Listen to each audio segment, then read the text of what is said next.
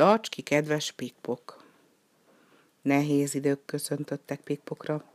Nem hallgathatta többé a fülemülékdalát, s nem szagolgathatta az ibolyákat, hanem halásznia kellett a vörös halász számára. Sötét idők következtek. Reggel a halász kievezett pikpokkal a tóra. A lábára hosszú zsineget kötött, és megparancsolta, hogy ugorjon a vízbe. Fogj nekem egy kövér pontyot, mondta. Bácsi kérem, magyarázta Pikpok, operáció után vagyok. A halász csúfondárosan felnevetett. Nem mondj nekem ilyen meséket, ki már olyat, hogy egy pingvint megoperáljanak? Pingvin becsületszavamat adom. Beteg voltam egy doboz szardiniától, aztán meg... Nem magyarázkodj, szakította félbe a halász. Azt mondtam, hogy hozol nekem egy kövér pontyot.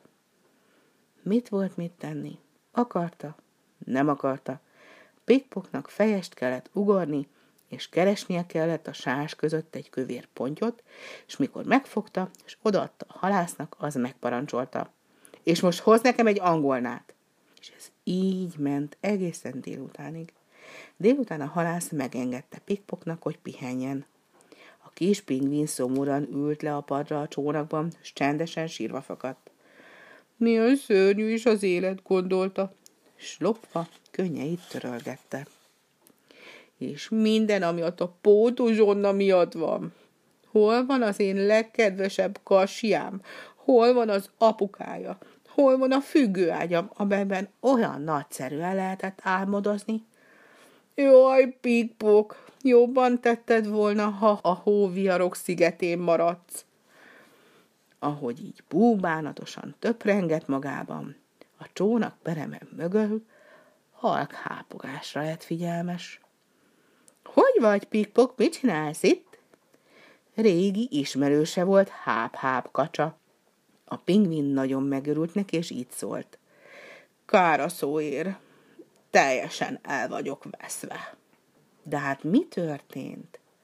Nem látod, hogy rabságban vagyok? És minden, ami a pótuzsonna miatt van. Háp-háp kacsa sajnálkozva hápogta. Látom, hogy nagyon búbánatos képet vágsz, és hogy valami bánt. Jaj, bánt bizony, sóhajtott Pikpok, de a legjobban az bánt, hogy dolgozhat ez a szörnyű, vörös, szörnyeteg, hogy nőnének uszonyok a hátán. Háp-háp titokzatosan összehunyorította a szemét. Próbáltál már egy kicsit ravasz lenni? Nem, nem próbáltam. Akkor próbáld meg.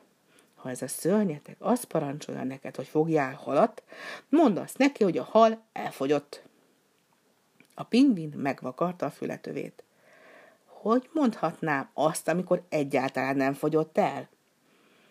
Azt mondod, hogy amikor megláttak, megijedtek tőled, és elmenekültek. Érted?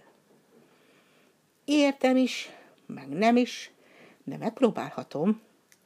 És van egy nagy kérésem hozzád. Ha találkozol valahol kasjával, hápogd el neki, hogy a vörös rabságban tart. Érted? Értem is, meg nem is, válaszolt a háp-háp, de minden esetre Csomót kötök a farkincámra, hogy ne felejtsem el. Csomót kötött a farkincája csücskére, s búcsúzó bicentett pikpoknak. Te meg nevet túlságosan a szívedre. Szia! Megpróbálom megtalálni kassiát. Tarts ki, kedves pikpok, s ne veszítsd el a reményt.